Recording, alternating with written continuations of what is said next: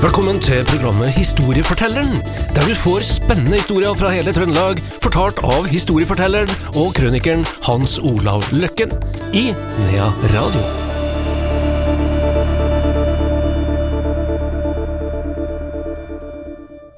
Velkommen tilbake til historiefortelleren her i Nea Radio. Vår historieforteller, som vanlig, Hans Olav Løkken, velkommen. Takk, takk.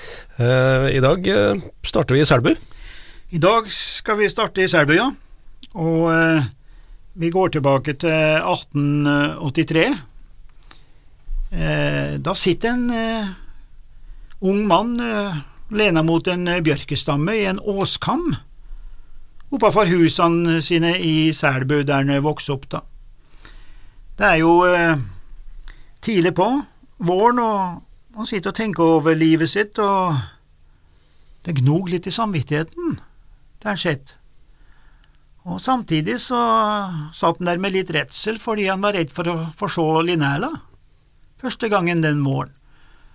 Og han hadde blitt lært opp av eh, bestefar, av bestefar sin at eh, fortalte han at hvis han så Linnæla med brystet, så ville det bety uår og, og kanskje død.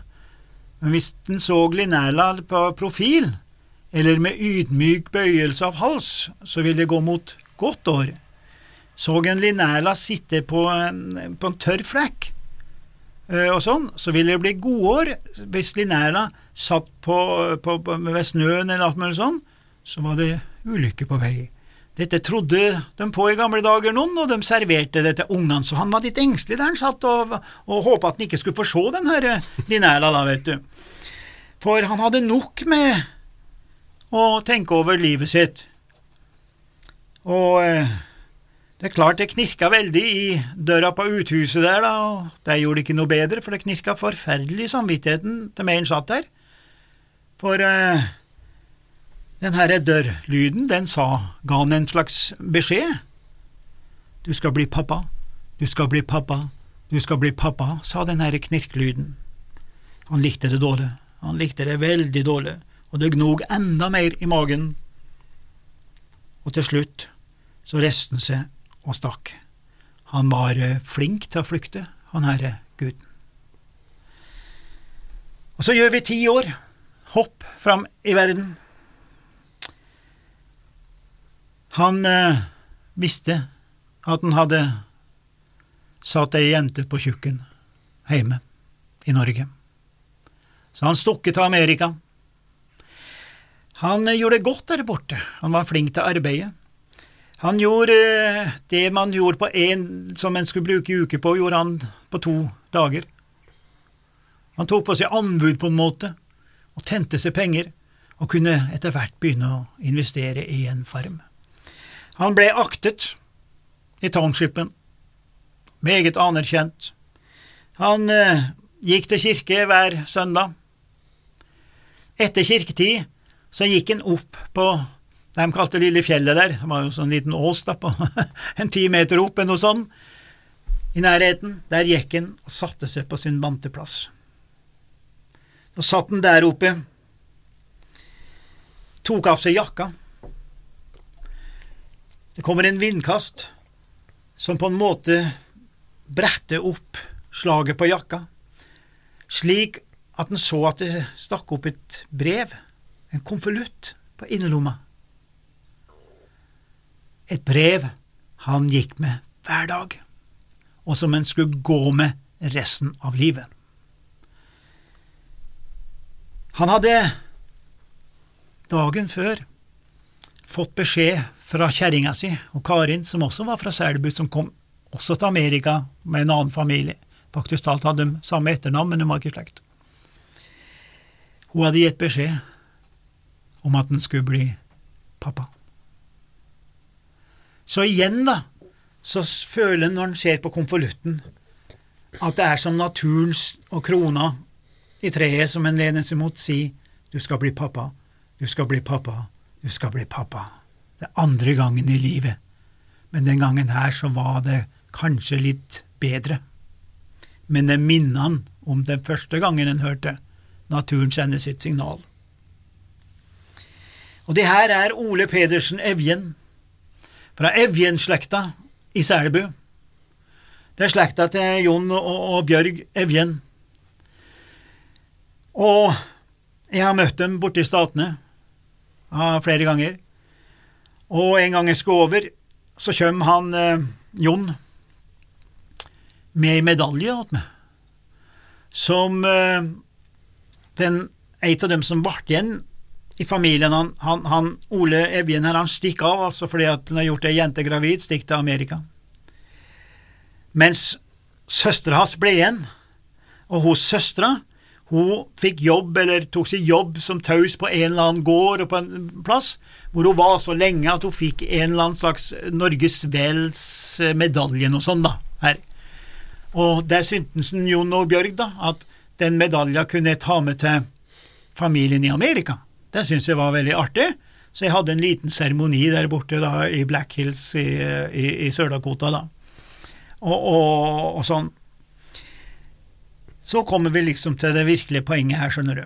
Fordi at han her eh, Evjen, som eh, han, han, han Les Evjen, da, som, som nå er eh, sjef i familien, da, de har gjort det veldig godt i Amerika.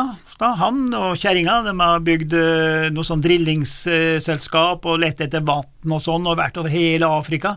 Brukte norske farver på utstyret sitt og kalte det opp etter Norge, og veldig stolt av Norge, veldig stolt av, eh, av bestefar sin.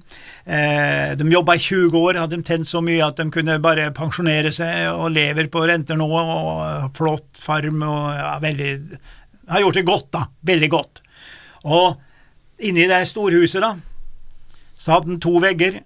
På den ene veggen så er det bilde og, og familietre fra kjerringa som kommer fra Tyskland, og så er det bilde og familietre fra Selbu, hvor bestefara, som da uh, utvandra, rangerer høyest oppe da, i treet, og som en var så stolt av. Så forferdelig stolt av den bestefaren som hadde utvandra da, veit du, som ungdom fra Selbu han visste ingenting om at bestefar hans hadde satt unge på Eli oppe i Selbu og, og, og, og, fått en sønn. Visste han ingenting om, selvfølgelig. Så når han kom til Norge da, første gangen, i 2005, så var han jo på Dora, vet du, der, eh, Statsarkivet i Trondheim.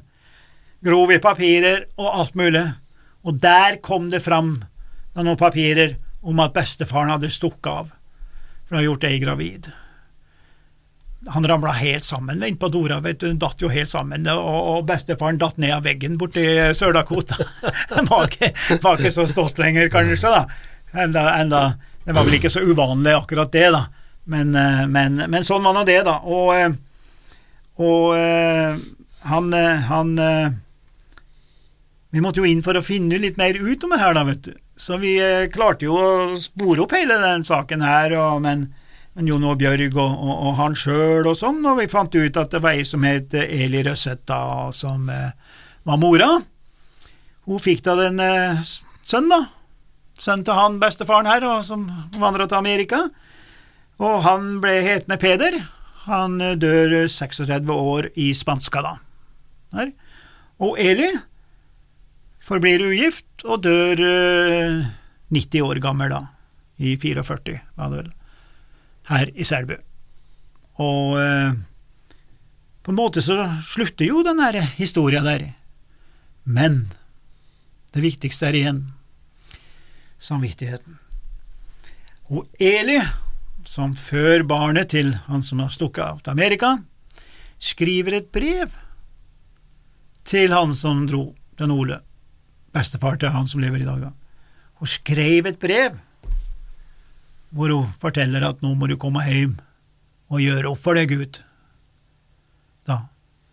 Det brevet gikk han, bestefaren, han Ole, med på seg hver dag, og det ble funnet den dagen han dør.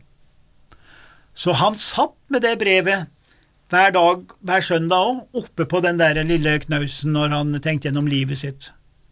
Og han gikk med det hver dag, og når han dør, så er det Karen, kjerringa hans, da, som finner det brevet, hvor hun Eli i Selbu varsler barnefaren om at nå må han komme hjem og gjøre opp for seg. Han fortalte det aldri til noen, men det ble oppdaga likevel via det brevet Det er også litt sånn spesiell sak, litt sånn sjelden og sånn.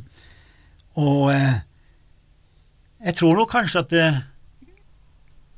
at den ble et brudd. Det, det, det, samvittigheten plaga han litt gjennom hele livet, kanskje, med det brevet.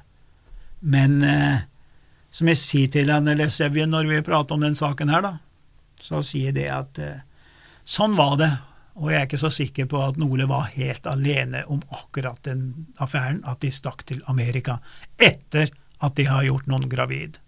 Dessverre. Dessverre. Det var sikkert ikke helt enestående. Takk skal du ha for denne historien, historia, Hans Olav Løkken.